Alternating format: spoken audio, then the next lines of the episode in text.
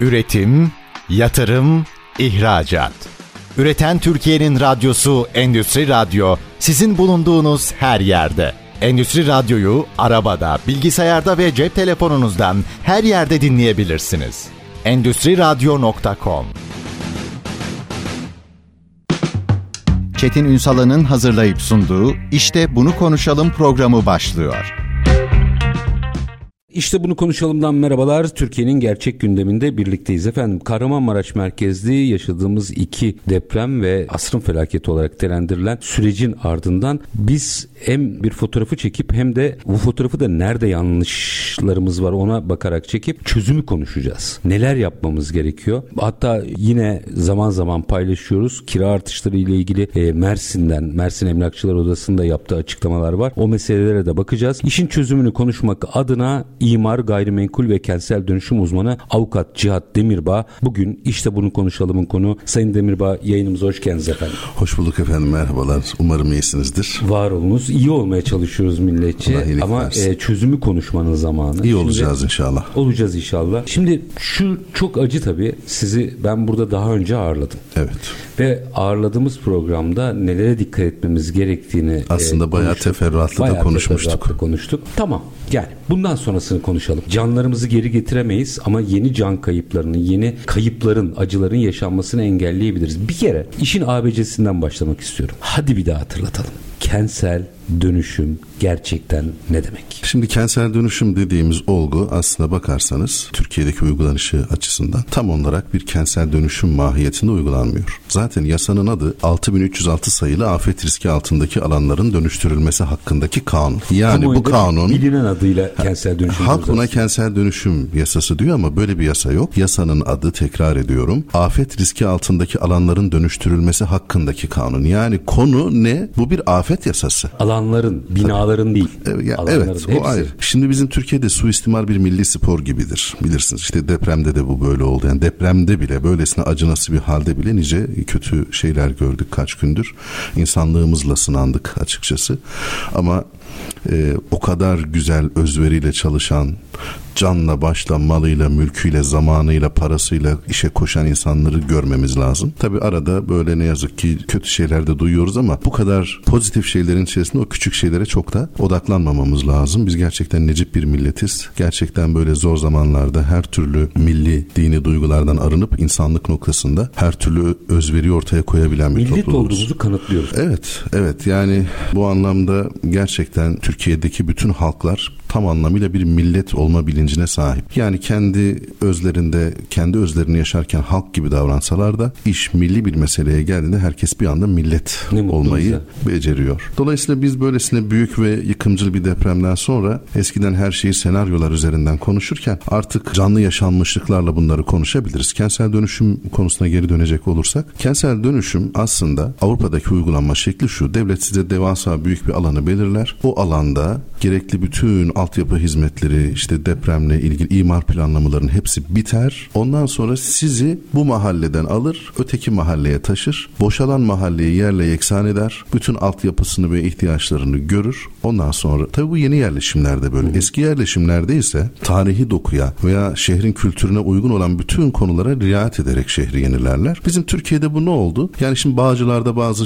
fotoğraflar var. Bugünlerde internette de sık sık görüyorsunuz belki. Şimdi Google Maps'i, Map'i de açıp baktığınızda göreceksiniz. Facia yani orada eğer şu deprem gibi bir deprem olsa inanın e, Türkiye, Türkiye kitlenir yani uzun süre. Dolayısıyla böyle manzaraların olduğu yerlerde dönüşüm yapılacakken Bağdat Caddesi gibi işte ya da Yeşilköy'de o kadar böyle nitelikli zaten mimari veya e, inşai konularda hizmet almış, inşaat mühendisliği hizmetleri almış binaları yıkıp buralarda yeniden yapılanmalarda bulunuyorlar. Halbuki burada bizim maksadımız zaten mühendislik hizmetleri almamış olan yerlerin yeniden yapılandırılması meselesi. Ama kentsel dönüşüm sayesinde işte Bağdat Caddesi gibi yerlerde eskiden arsa üretme imkanı kalmamıştı. Bu vesileyle oralarda arsa üretme şansı doğdu müteahhitler için. Dolayısıyla şehrin esas ihtiyacı olan kentsel dönüşüm yerine kentsel dönüşüm kılıfı kullanılarak bu gibi alanlarda arsa üretildi ve yine pahalı pahalı daireler satılmış olduğu. Aslında ama akıllar da burada karıştı. Tabii. Esas kentsel dönüşümün olması gereken yerlerde zaten insanların mali durumu uygun değil trafik altyapısı uygun değil. Çünkü imar planı hazırla. Mesela bu deprem konusunda birazdan yeri gelildikçe konuşacağız. Herkes müteahhitlerin üzerine gidiyor. Evet müteahhitlerin kusuru var mı? Var tabii ki ama müteahhiti bir köşeye koyalım. Müteahhite gelene kadar kusuru olanlar var. Müteahhitin kusuru var müteahhitten sonra kusuru olanlar var. Yani bu depremle ilgili. Bu rütük nedeniyle de bir açıklama yapmak zorundayım. Buyurun. Külliyen kimseyi suçlamamak lazım. Araştırıldıktan sonra gerçek mi Tabii, zaten o yüzden diyorum yani burada burada zaten müteahhitleri suçlayan e, yayınlar yapılıyor. İşte vay efendim falan müteahhit niye kaçtı filan diye. Yani burada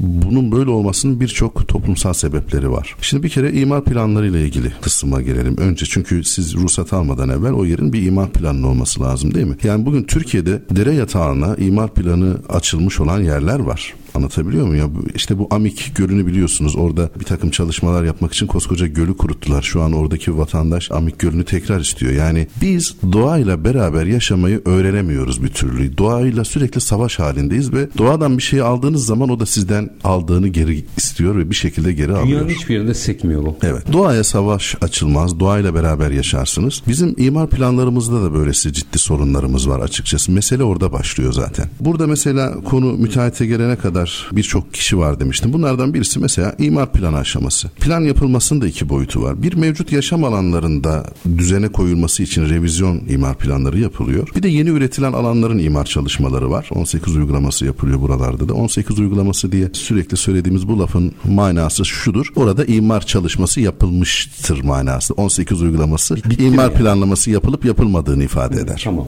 Anlatabiliyor muyum? Dolayısıyla bir imar planının kusurlu olmasıyla bir inşaat projesinin kusurlu olması arasında inanın hiçbir fark yoktur. Yani bir inşaatın yıkılması sadece inşaattan kaynaklı şeyler de onun imar planındaki yanlış yere konuşlanmalar, zemin etütlerindeki hatalar. Yani dediğim gibi işin inşasına gelene kadar daha birçok merhalesi var. Ki bilim insanları Mesela tabii zemin etüdü meselesi var. Zemin etüdünü jeoloji mühendisleri yapar ama jeoloji mühendisleri zaten bir imar planlaması yapılmışsa orada bir şey görse bile gidip bunu ihbar etse bile ne yazık ki ciddiye alınmayan bir durum var. Halbuki jeoloji mühendisinin e, verdiği bir ihbarı veya işte yaptığı bir uyarıyı ciddi anlamda dikkate almak gerekir. Zeminle ilgili bir şey, yaşamla ilgili bir şey. E, enteresan bir şey söyleyeyim size. Mesela imar kelimesi ömür kelimesinden doğan bir kelimedir aslında. Hani bir şey bir yeri imar ettiğiniz zaman hayatınızın merkezine koyar ve orada yaşamınızı devam ettirirsiniz. Dolayısıyla zemin etüdü aşaması işte bu konuşlanacağınız, hayatınızı yaşayacağınız yer anlamında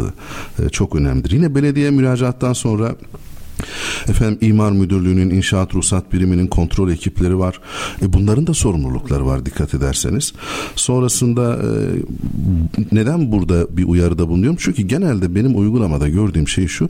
Kopyala yapıştır alışkanlığı var insanlarda. Yani ruhsata imza atmış birçok kamu görevlisi inanın gidip o inşaatın yerini bilmiyordur bile yani. Anlatabiliyor muyum? Biraz tembelliğe döndü ne yazık ki bu memuriyet anlayışımız. Buralarda halbuki çok önemli sorunlar olabilir. Gidip yerinde görmek, planlamaları. Çünkü bazen vatandaş da gidiyor orada yerinde bir aksilik oluyor. O aksilikle ilgili belediyenin bir inisiyatif kullanması gerekiyor. Ama bazen de insanları o kadar bürokrasiyle sıkıyorlar ki artık insanlar illallah etmeye başlıyor. Bunun dışında siz burada eğer e, belediye çalışanına gel kardeşim illa yeri fiziksel olarak gör dediğinizde de bir bakıyorsunuz ki devasa bir bürokrasiyle boğulmaya başladınız. Hani bir yerden sonra artık havlu atmak zorunda kalıyorsunuz. Çok önemli hususlardan biri daha yapı denetim firması meselesi. Şimdi bu yapı denetim firmaları zorunlu hale geldi. Bu zorunlu hale geldikten sonra da belediyeler bunları atıyor. Siz de ödemesini yapıyorsunuz ilgili firmaya. Bu ödemeyi yapıyorsunuz ama aslında yapı denetim firması malikin ya da e, bina sahibinin namı hesabına veya belediyenin namı hesabına orada bir kontrolör vasfıyla bulunuyor. Yapıyı denetliyor. Planlamalara uygun mu, efendim projeye uygun mu, malikin söz yaptığı sözleşmedeki şartlara uygun mu gibi bütün bu konuları denetlerler aslında. Ama parayı veren müteahhit olunca hani parayı veren de patron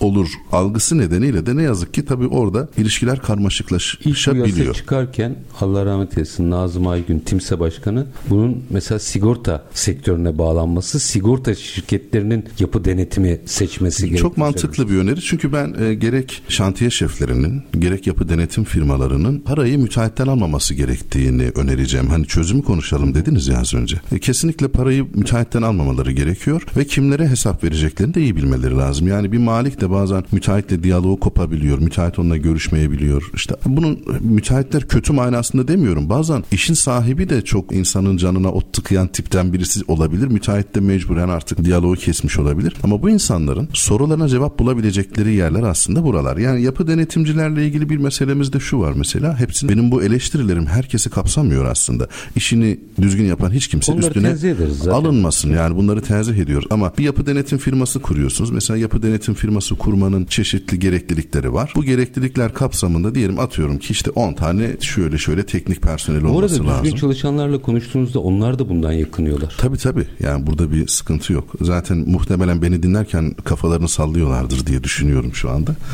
Şimdi bu yapı denetim firmaları kuruluyor. Kurulduğunda da belirli sayıda personeli gösteriyor. Hani bu kadar çalışanı var diye. Ama bu çalışanlar gidip fiili manada yerinde hizmet vermeyebiliyorlar. Bu da çok önemli bir handikap. Buna mutlaka dikkat edilmesi gerekiyor. Bir de bu yapı denetim ücretleri öyle az ücretler de değil yani. Bu paraları da ödemezseniz adam iş de yapmayabilir. Fakat bu sefer parayı müteahhit ödediği için arayı bozmama kaygısı da oluşuyor. İşte bunun engellenmesi lazım. Çünkü gerek yapı denetimcilerin gerek şantiye şeflerin çok önemli yetkileri var. Eğer müteahhit projeye aykırı bir iş yapıyorsa gidip bunu Çevre Şehircilik Bakanlığı'na veyahut belediye bildirdiği zaman inşaatı mühürlerler. Yani bu derecede üstün bir yetkisi var. Ama adamın çalışanı pozisyonunda olduğu zaman bunu yapmak için yürek yemek gerekiyor yani. Şey oluyor Üstad en azından benim gördüğüm siz ne düşünüyorsunuz bilmiyorum ama açarsanız sevinirim. Bir dakika sonra bir araya gideceğim gerçi ama bir daha işi alamam kaygısı çok tetikliyor. İşte ama zaten şu an bakanlığın bir uygulaması sayesinde bir Rus ruleti gibi Evet, e, dağıtıyorlar. Burada bir sıkıntı yok. O artık bir yere bağlandı. Bir daha işe alamama diye bir kaygısı yok. Tam tersine e, işi almışlar. işi yanlış yapma, eksik yapmaların deneti. Ya bizim Türkiye'nin temel sorunu bakınız imar yasalarımız bence fevkalade oturmuş yıllar yılı çok çeşitli sınavlardan geçmişiz. İmar yasalarımız, yönetmeliklerimiz, belediyelerin bu gibi konulardaki yönetmelikleri bence son derece şahane, olgunlaşmış kanunlar, yasalar ve yönetmeliklerimiz var. Bizim sorunumuz uygulamacılarda, denetimsizliklerde, memurun çok fazla memur olması artık işi yani nasılsa devlet paramı ödüyor. Yani bu gibi işlerde biraz da performansa dayalı ödeme yapılması lazım. Güzel öneri. Mesela bence bu da bir çözüm önerisi. Evet. Ve minik bir araya gideceğim. Aranın ardından bir boyutu da bunu devam ettirdikten Bunu sonra devam ettirip şöyle ben boyut 7-8 daha var tane not aldım aklımda. Kusurlularla ilgili. Çünkü e, tek başına müteahhitlerin e, eleştirilmesini ben bu anlamda yanlış buluyorum. Belki bu programı dinleyen hakimler, efendim savcılar, efendim ne bileyim bir takım teknik insanlar işin biraz sonra anlatacağımız boyutlarını da dikkate almaları Bakmaları gerektiğini lazım. düşünüyorum. Minik bir ara vereceğim. Aranın ardından devam edeceğiz. İmar gayrimenkul ve kentsel dönüşüm uzmanı avukat Cihat Demirbağ konuğumuz. Çözümü konuşuyoruz. Aksaklığın nerede olduğunu ortaya koyarak Sayın Demirbağ aslında nasıl çözeceğimizi anlatıyor. Minik bir ara ne yapacağız? İşte bunu konuşalım diyeceğiz. Lütfen bizden ayrılmayın. Üretim, yatırım, ihracat. Üreten Türkiye'nin radyosu Endüstri Radyo sizin bulunduğunuz her yerde. Endüstri Radyo'yu arabada, bilgisayarda ve cep telefonunuzdan her yerde dinleyebilirsiniz. Endüstri Radyo.com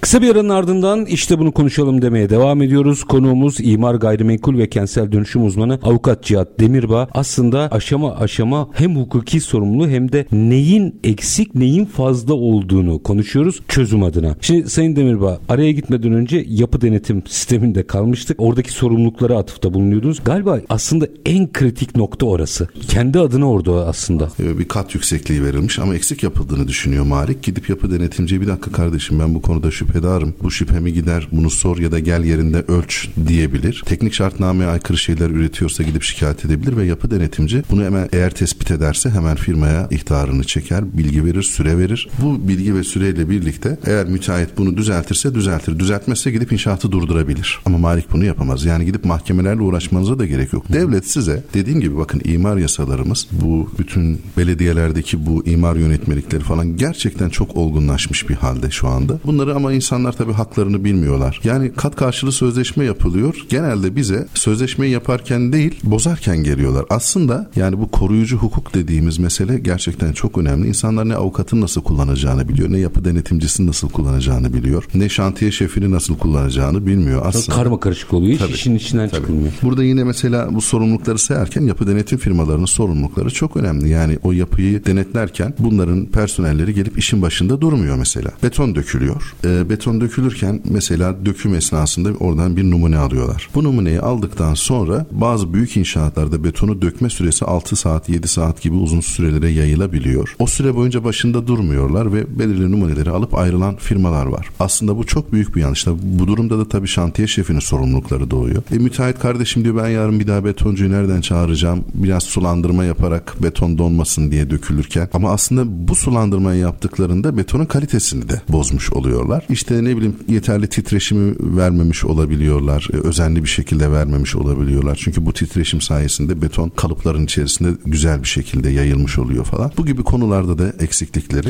Pardon bu olabiliyor. bu şantiye şefleri de galiba sorumlu. Çünkü Şantiye bu şefi- olaydan sonra mesela gözaltına alınanlardan birinin şantiye şefi olması benim dikkatimi çekmişti. Onlar da sorumluluk içinde değil mi? Şantiye şefi bir inşaatının yürütmeden sorumlu başıdır. Bir numarası yani. Bir numarasıdır. Bütün sorumluluk aslına bakarsanız ondadır. Çünkü müteahhitlerin mimarlık, mühendislik yetenekleri olmayabilir. Onlar aslında tacirdir, yatırımcıdır. Aslında o bir yatırım yapmaktadır. Bu yatırımı yaparken de bu gibi firmalardan veya teknik kadrolardan, teknik insanlardan hizmet almaktadır. Bu hizmeti verenler kusurlu verdikleri zaman bunun e, müteahhit olmasının sebebi kusursuz sorumluluktan dolayıdır. Aynı şekilde mülkiyet sahibi olan ya o binanın sahibi olan kişi de kusursuz sorumludur. Mesela kiracı ölüyor o binada değil mi? Depremden dolayı. Veya işte müteahhit o binayı yapıyor birilerine satıyor sonuç itibariyle ve orada satın alan kişi ölüyor. İşte o binanın sahibinin de kusursuz sorumluluk ilkesi kapsamında e, sorumluluğu var. Ben hatta geçen gün sosyal medyada da paylaşmıştım eski bir yargıtay kararı. Malzeme seçiminde sadece müteahhitin sorumluluğu yok. Bina sahibinin de mesela cezai sorumluluğu var. Enteresandır ama Çok çok, ama da doğru önemli. yani böyle olması. Dolayısıyla ben müteahhitle anlaşma yapacağım, kat karşılığı bir iş vereceğim derken her şeyin en düşüğü, en kötüsü olsun diye en ucuzu olsun da işte kar edelim gibi düşünürken işte böyle zarar da Orada bir şey soracağım. Merak ettiğim için soracağım. Şimdi o bina Yudum bir sahibi şey alacağım, diyelim. özür diliyorum. Kusura bakmayın. Bina sahibi aslında bunu teknik olarak bilemez. Müteahhiti aslında denetlesin diye yapı denetim firmasını görevlendiriyor. Tabii aslında. devlet buna bir çözüm üretmiş bir ara bir Formül var. formül var yani evet. Devam edelim. Ya müteahhitlerin de sorumluluklar var ama şimdi bizde şöyle de bir durum var. Ne yazık ki müteahhitlerimizin büyük bir kısmı ilkokul, ortaokul mezunu insanlar. Bu da değişik bir durum. Çünkü bizim mimar ve mühendislerin okul hayatları o kadar uzun sürüyor ki hayatlarının ya da mesleklerin altyapısını yapmak için bir finansal güce Zeki erişene yapamıyoruz. kadar ömür geçiyor. Diğer insanlar hayata biraz daha erken başlamış ve bir belirli bir finansman gücünü elde ettikleri için iş dünyasında daha hızlı ilerlemiş olabiliyorlar. Son dönemlerde bu biraz başladı ve e, şekil değiştirmeye başladı ama hala o ilkokul, ortaokul mezunu kadro ki ilkokul, ortaokul mezunu olması da çok önemli değil. Adam dünyayı gezmişse, vizyoner bir insansa bunun bir önemi kalmıyor ama hiç kendini geliştirmeyen, bulunduğu mahalleden bile dışarı çıkmayan kişiler olduğu zaman şöyle şehre bakıyorsunuz. Koskoca şehri İstanbul'daki şu dış cephelere hiçbir şahsiyeti olmayan, hiçbir sanatsal güzelliği olmayan üretimler yapılıyor. Çünkü bunları artık mimarlar değil, bunları müteahhitlerin finansal gücü belirliyor. Anlatabiliyor muyum? Çok net. Bu gayet ortada. Şantiye şefiyle ilgili de şunu söyleyeyim. Şantiye şefi gerek denetimcinin yokluğunda, gerek malikin yokluğunda, gerek müteahhitin yokluğunda, gerek iş güvenlikçisi olmadığı durumlarda bunların hepsinde onları temsil eden niteliğe sahip biridir. Ama genelde şantiye şefleri de Çetin Bey maaş karşılığı çalışan, onların işçisi mahiyetinde olan insanlar oldukları için çok da patrona baş kaldıramazlar. Ben o nedenle sadece yapı denetimcilerin değil artık şantiye şeflerinin de tıpkı yapı denetimciler gibi bir kurum tarafından atanması maaşlarını müteahhitten almaması gerektiğini düşünüyorum. Bunu Çözüm da bir iki. öneri olarak sunuyorum. Çünkü maaşı ondan almadığı zaman müteahhitin yaptığı hatadan korkmaz. Çat diye gider söyler. Çat diye inşaatı durdurur. Bu da bizim için önemli bir öneridir diye düşünüyorum. Siz orada bekçinin bile sorumlu olduğunu düşünüyorsunuz. Bekçinin şöyle sorumluluğu var. Onu şöyle laf arasında geçti. Evet yani şöyle bir şey. Şimdi bekçiyi tutarlar orada geceleyin özellikle yaz aylarında bilhassa. Nerede Be- malzeme çalınmasın diye durur orada. aslında onun o yüzde ellisi diyelim. Yüzde elli sorumluluğu da nedir biliyor musunuz? Betonu sulamak. Eğer betonu sulayıp prizlenmesinin sağlıklı olmasını sağlarsanız o betonun ömrü çok uzun oluyor. Eğer beton sulanmaz da beton kendi kendini yakabilen bir madde. Bu sefer de o güç mukavemet özelliğini yitirmeye daha böyle yumuşak olmaya başlıyor. Yapım aşaması bir parçası aslında. Evet, evet, evet. Yani bekçi diyoruz ama hani bu artık inşaatlarda bu şekilde oturmuş bir sistem. Ben bekçi derken yani oradaki bekçi bile görevini ihmal etse yani oraya kadar ki herkes dört dörtlük işini yapmış olsa ama o bekçi ihmal etse yine bir kusur çıkıyor. Çıkıyor ortaya. Bunu demek istemiştim size. Yine beton firmaların sorumluluğu. Yani mesela dedim ya yapı denetimciler betonu kontrol etmiyor ama Tabii. beton firmaları da reçetelere uygun üretimler yapsalar bile Yine de gidip kendi betonları dökülürken orada bir adam bulundurmalarında ben açıkçası fayda görüyorum. Bunun dışında... Ama Üstad çok özür diliyorum. Şimdi bu başa, başa çıkacak bir şey değil ki. Yapılan inşaatlar... İnanın her şeyin çözümü Hayır, var. Yani başa onunla çıkılabilir. Onunla ilgili zaten mesela bir yapı denetim sistemi var. Şimdi niye beton firması gidip orada yapı denetim e, Tabii yani yapı yap, denetimci oradan ayrılmasa kameraya çekebilirler. Teknoloji var. Yani kameraya çek. Bütün beton süreci kameraya çekilir. Basit. Bitti yani. Yani çözüm düşündük mü bu teknoloji zamanında bulmamak imkansız. Yine tabii burada şehir merkezi bu imar planlarının ele alınırken artık şu şehir merkezlerindeki otogalerilerin bile bence şehir dışına alınmasının ve şehirdeki bu ticari yapılanmaların da imar planlamalarıyla düzeltilmesi gerektiğine inanıyorum. Çünkü bu depremde gördüm ki kaç tane otogalerici işte araba sığsın diye vesaire kolon kesmesi yapmışlar. Yani böyle bir sorumsuzluk olabilir mi? Yani, e, Çünkü şehrin merkezinde zaten 2000, otopark sorunu var genel olarak. yıllarda bunu hala yapabiliyor olmak zaten ürkütücü. Evet zaten büyük bir otopark sorunu var. Ülkemizin her yerinde de var. Özellikle büyük şehirlerde zaten çok çok daha fazlasıyla var. Bir de otogalerilerin şehir merkezinde olması, bir de onlara yer açmak için kolon kesme veya bahçelerin kullanılması gibi böyle garabet uygulamaları artık belediyelerin bir şekilde sonlandırması lazım. Otopark demişken şu otopark yönetmeliği de hakikaten enteresan bir şey. Ülkemizde özellikle İstanbul'da otopark için sizden belirli bir ücret alınıyor. Eğer binanızda yeteri kadar otopark üretemiyorsanız en son 75 bin lira mıydı 90 bin lira civarında öyle az bir ücret de değil yani araç başına ödenen rakam bu kadar. Hocam oraya girerseniz çıkamayız. Ben onunla ilgili şunu söyleyeyim o zaman madem açtınız izleyicilerimize. 76 yılında çıkan bir kanun. O günden beri toplanan paraların bir fonda birikmesi lazım her şehirde. Tam onu söyleyecektim. Ve e, İçişleri Bakanlığı bu konuda görevli. Başka bir yerde kullanılırsa yüce divanlık bir mesele.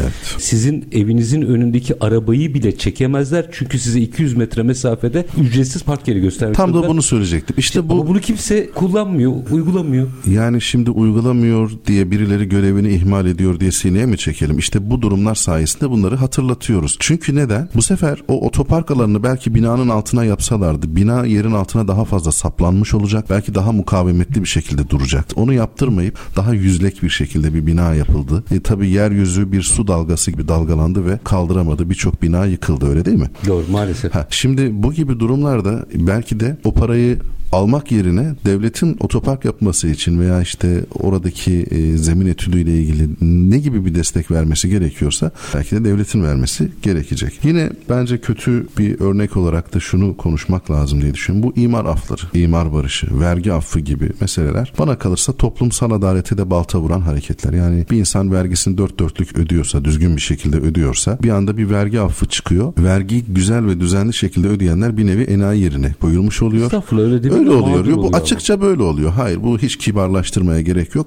Diğer kişiler ise ne yazık ki bu işlerden istifade etmeye başlıyorlar. Hatta Laz müteahhit diye bir espri doğmuştur bilirsiniz. Bunun sebebi nedir? E çünkü Türkiye'ye Türkiye'de birçok Karadeniz asıllı insanlar yöneticilikler yaptılar ülkemizde. O insanlar buralarda devleti yönetirken çevrelerindeki insanlar da geldiler. İstanbul'a gitgide konuşlanmaya başladılar. İmar affı çıkacağını biliyor. Hani dördüncü katı yapmışsa üstüne mutlaka beşi ekliyor. Ona göre ruhsata gidiyor. Aa sen fazla yapmasın dediğinde ya parasını ödüyor ya rüşvet verebiliyor ya bir imar affı çıkabiliyor ve adam dördüncü katı da üstüne ekliyor. Dört yapmışsa beşi yapıyor. Veya imar affından faydalanmışsa gelip yine üstüne bir tane ekleyebiliyor. İşte buna bu doyumsuzluk halini betimlemek için Laz müteahhit mantığı dedikleri bir espri bile. Tenzih ederiz tabii. Evet. Tabii, Bu tabii. kendi inşaatını yapanlar vardı bir dönem hatırlarsınız. tabii canım. Hepsinin mesela belli bir yaşın üzerindeki herkes şunu hatırlar. Üzerinde filizli evler. O ev hiç kapanmaz. Yani o dam olmaz. Çünkü çocuk evlenecektir. O filiz durur orada. Evet evet. O sürekli. Bu bunları yaşadık. Bu mi? işte mühendislik hizmetlerinden yoksun binalar dediğimiz binalar tam da bu binalar. Çünkü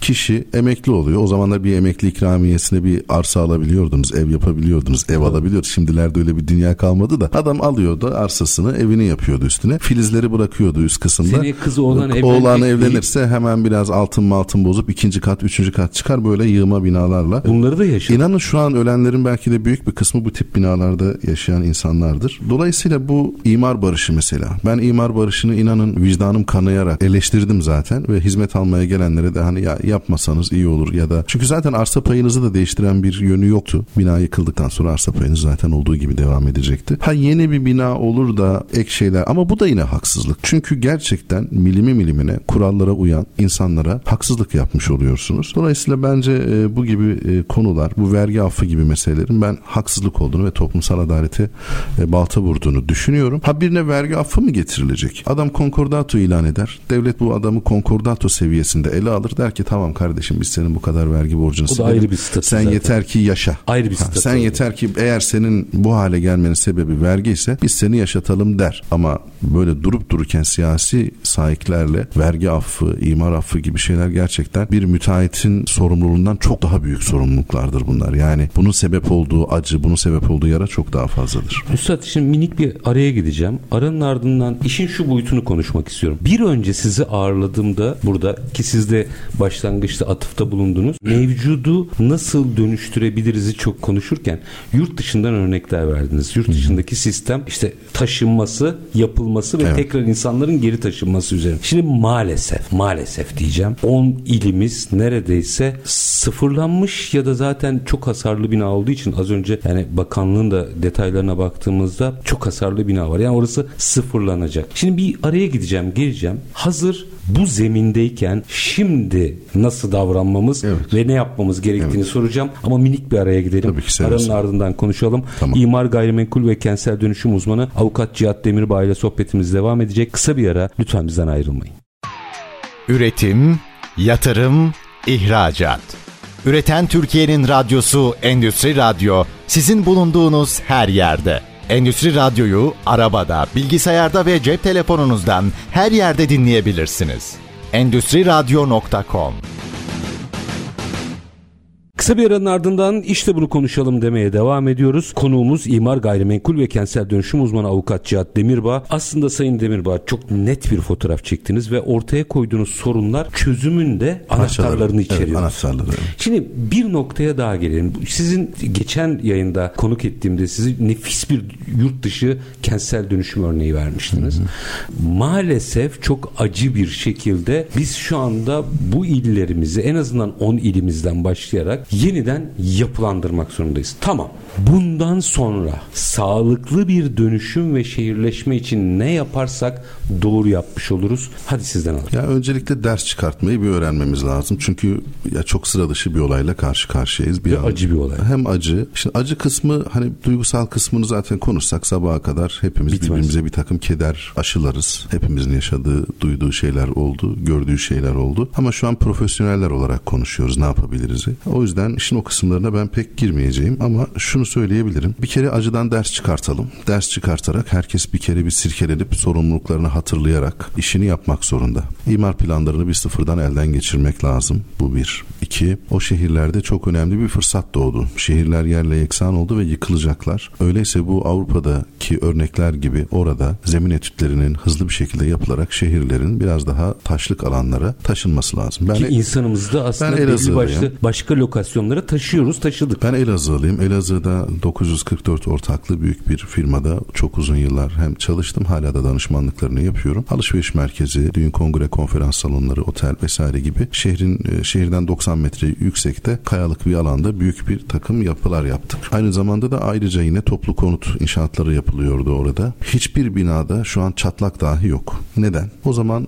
o, o bölgenin afetten sorumlu bir yetkili bir beyefendi vardı şimdi ismini hatırlayamadım. Beyefendi bize dedi ki harika bir yerde yaptınız. Çünkü dedi oranın altı tamamen kaya olduğu için deprem dalgası da tıpkı su dalgası gibi böyle dalgalanarak geldiği için kayaların etrafından dolanıp geçip gidiyor. Dolayısıyla kayalık bir yer olduğu için yani zemin etüdünün önemini anlatmaya çalışıyorum yani. Zemindeki o kayalık yapıdan dolayı inanın bardaklar her şey yerinde duruyor oradaki restoranlarda vesairede. Başka yerlerde 13. 15. katlarda insanlar tabii depremi de öngörmedikleri için içerideki eşyaları da sabitlemedikleri için ya da eşyayı sabitleseler bile kapaklar açılıp her şey etrafa saçıldığı için çünkü 13. katta falan ha, ciddi bir sallantı oluyor. İnanın gayrimenkullerin fiyatları bile etkilendi. Yani şu an yüksek katlı yerlerdeki gayrimenkullerin fiyatları ben bu depremden sonra daha düşeceğini düşünüyorum. İşte bu dersleri bizim çıkartıp insanları eğitmemiz lazım. Kamu memurlarının bir kere işlerini ciddiyetle ele almaları lazım. Oradaki yerleşke alanlarını böyle ovalarda değil, dağlık alanlarda, altı zemini jeolojik olarak münasip olan yerlerde doğayla savaşmadan,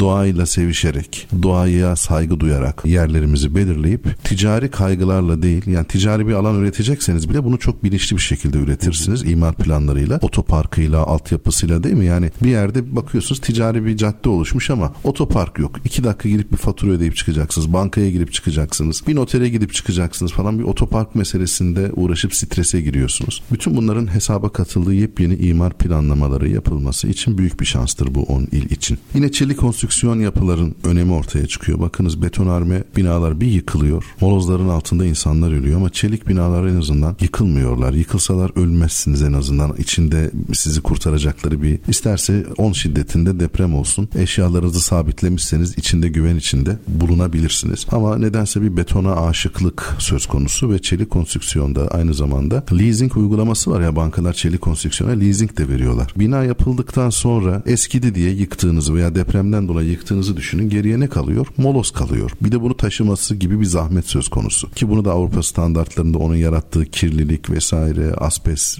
gibi bir, bir takım kurallar vesaireler var. Bu asbest yönetmeliği var. Yani bir sürü detay var. Detay aslında. var aslında. Şu onlarla zaman kaybedemeyiz şimdi. Bu detaylar var. ama çelik konstrüksiyonda oranın imarı mı değişti? Ver kardeşim bu çelik konstrüksiyonu aldığın firmaya. Adam onu para olarak görür. Metal yani sonuçta. Tekrar dönüşümü de mümkün bir şey. Sana tekrar yeni binanı çizer verir. Anlatabiliyor muyum? Ağır çelikle desteklenerek daha yüksek binalar da yapılabiliyor. Yangın noktasında artık çok ciddi anlamda teknoloji gelişmiş durumda. Yangın olsa demir eğrilse büyürülse bile en azından altında kalıp ezilmiyorsunuz. Başınıza devrilmiyor. Bir zaten yangın yalıtım malzemeleri de var çok. Evet. Ya Türkiye bu konularda da zaten çok iyi seviyededir yani onu da söylemiş olayım. Dolayısıyla bu otopark meseleleri, şehir merkezini işgal eden ticari alanlar bunların hepsi sıfırdan planlanarak yapılması gerektiğini düşünüyorum. Bunun dışında burada bir şeyi açmanızı rica edeceğim. Hep bina konuşuyoruz. Kentin planlanması derken bizim galiba açık alanlarımızdan otoparklara elbette binalardan nerede AVM olacak? Siz bu soruyu ısrarla üçüncü getiriyorsunuz. Tabii laf lafı açınca biraz da dağılıyor olabilirim. Özür dilerim. Şimdi demek istediğinizi aslında biraz daha iyi anladım. Daha önceki konuşmamda biraz detay vermiştim. Siz onun verdiği bir şeyle o lafları tekrar etmemi istiyorsunuz galiba. Şöyle ki şimdi yeni bir imar planı sıfır zeminli bir yerde yapılırsa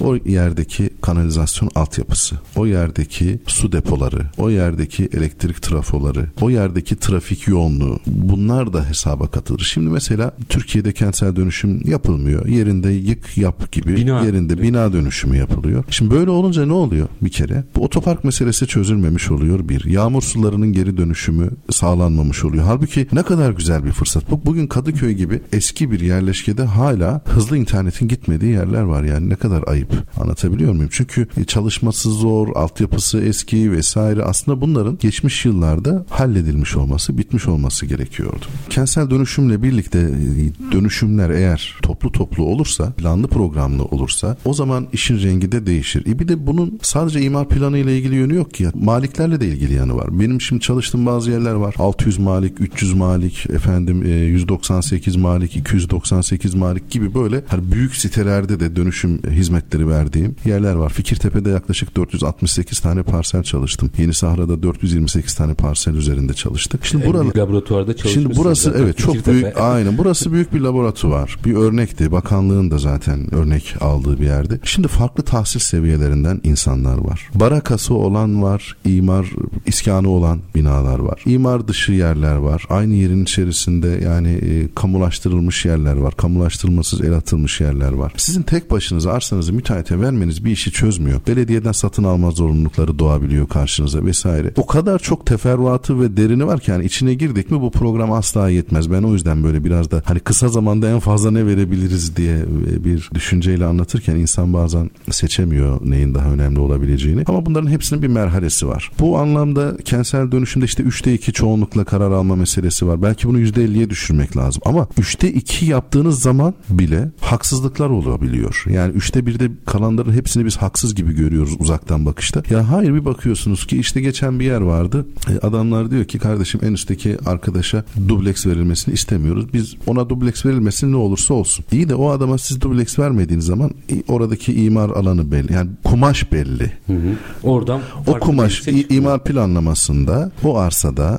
ne yapılacak? Nereden çekme mesafesi var? Ne kadar bir alana oturacak? Ne kadar kat yüksekliği? Bunların hepsi yazılıp verildiği için oranın inşaat alanı ne kadar üretilecek gayet belli. Onun içerisinde de adam arsa payına düşen kısmı aldığında o dublekslerdeki metrekareyi almazsa hakkını almamış oluyor. Onu aşağıya koyduğumuzda çünkü şunu diyorlar çatıların arasındaki o alanları biz müteahhite verelim. Müteahhite ödeme yapalım. İyi de siz bu ödemeyi yaparken bu adamın arsa payından alıp oraya veriyorsunuz. Bunu düşünemiyorlar. Adam yapıyor ödemeyi. Bunu algılayamıyorlar. Çünkü adam yapıyor ödemeyi aslında. Aslında bir tane komşunun sırtına ödemenin %25'ini fazlasıyla onun sırtına vurmuş oluyorlar. Ama bunu idrak edemiyorlar. Anlatabildim mi? Müteahhitin de işine geliyor. Oradaki kıymetli işte manzaralı bir yeri almış olduğu için ses çıkartmıyor diyelim. Ya da sessiz kalıyor. Çünkü sonuç itibariyle üçte birde kalacak adam satılacak gidecek. O kafası rahat edecek gibi düşünebilir. Yani her üçte birde kalan da haksızdır diye bir durum da yok. Bu gibi konularla ilgili bakanlık bence bir yetkili birim oluşturup çok acil bir şekilde gidip hemen yere bakıp sözleşmeye bakıp iki tarafla da konuş. Müteahhit Aslında ve bunu imzalayacak taraf. biri 10 tabii, dakikada ya, anlar ya, yani. İnanın 10 dakikalık iş gerçekten. 10 dakikada baktım anlar hikayeyi. Ya ben zaten şu anda bu imar ve gayrimenkul konularındaki davaların süreleri bizleri artık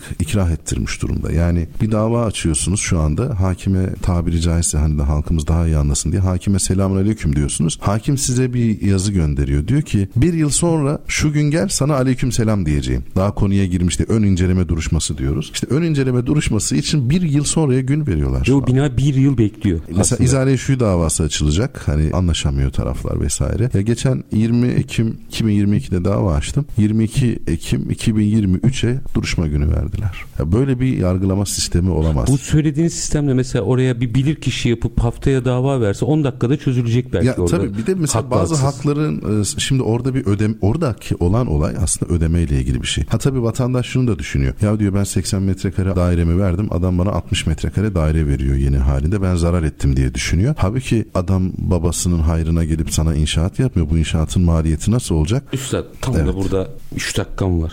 Evet bu meseleyi bir kere değer kazanan yerler üzerinden para Bravo. kazanma meselesinden nasıl çıkaracağız? Çıkartamazsınız. Yani, Ama bizim derdimiz yani güvenli bakın bir ben, bina mı? Ben şunu söyleyeyim kendi mesleki tecrübem noktasında acizane. Az önce söyledim ne kadar büyük alanlarda, e, ne kadar çetrefilli alanlarda ve sayı itibariyle nasıl bir alanda çalıştığımı. Dolayısıyla her çalıştığım parselde onlarca malikle beraber oluyorum. Muhtemelen bu saydığım alanda da on binlerce insanla konferanslar, toplantılar, şunlar bunlar oldu. İyi insanları tenzih etmekle beraber konu mal olunca, para olunca insanların ne dini kalıyor, ne tanrısı kalıyor, ne inancı kalıyor, ne vicdanı kalıyor. Çok örnek insanlarla da karşılaştım. Yani e, bu işin çok böyle inançla şunla bununla ilgisi olmadığını gördüm. Anlatabiliyor muyum? Vicdanı, ahlakı olan insanlar her yerde olması gereken şeyi zaten yapıyorlar. Ama büyük bir çoğunluk var ki konu mal olunca bir anda canavara dönüşüyor bir anda gözünü kulağını kapatıyor ve sizi algılamakta zorlanıyor. Zaten bir kişi kendini size kapattığında, dolandırılacağını düşündüğünde, bir hakkının kaybolduğunu düşündüğünde kendini kapatıp konuyu anlamak istemiyorsa işler orada Peki hocam, kilitleniyor, biz, mahkemelik biz, oluyor. E, kimin ne kadar kazanacağını tartışmıyoruz. Biz güvenli yapılardan bahsediyoruz. Vatandaş buna böyle bakmıyor yani. Buna böyle bakan bir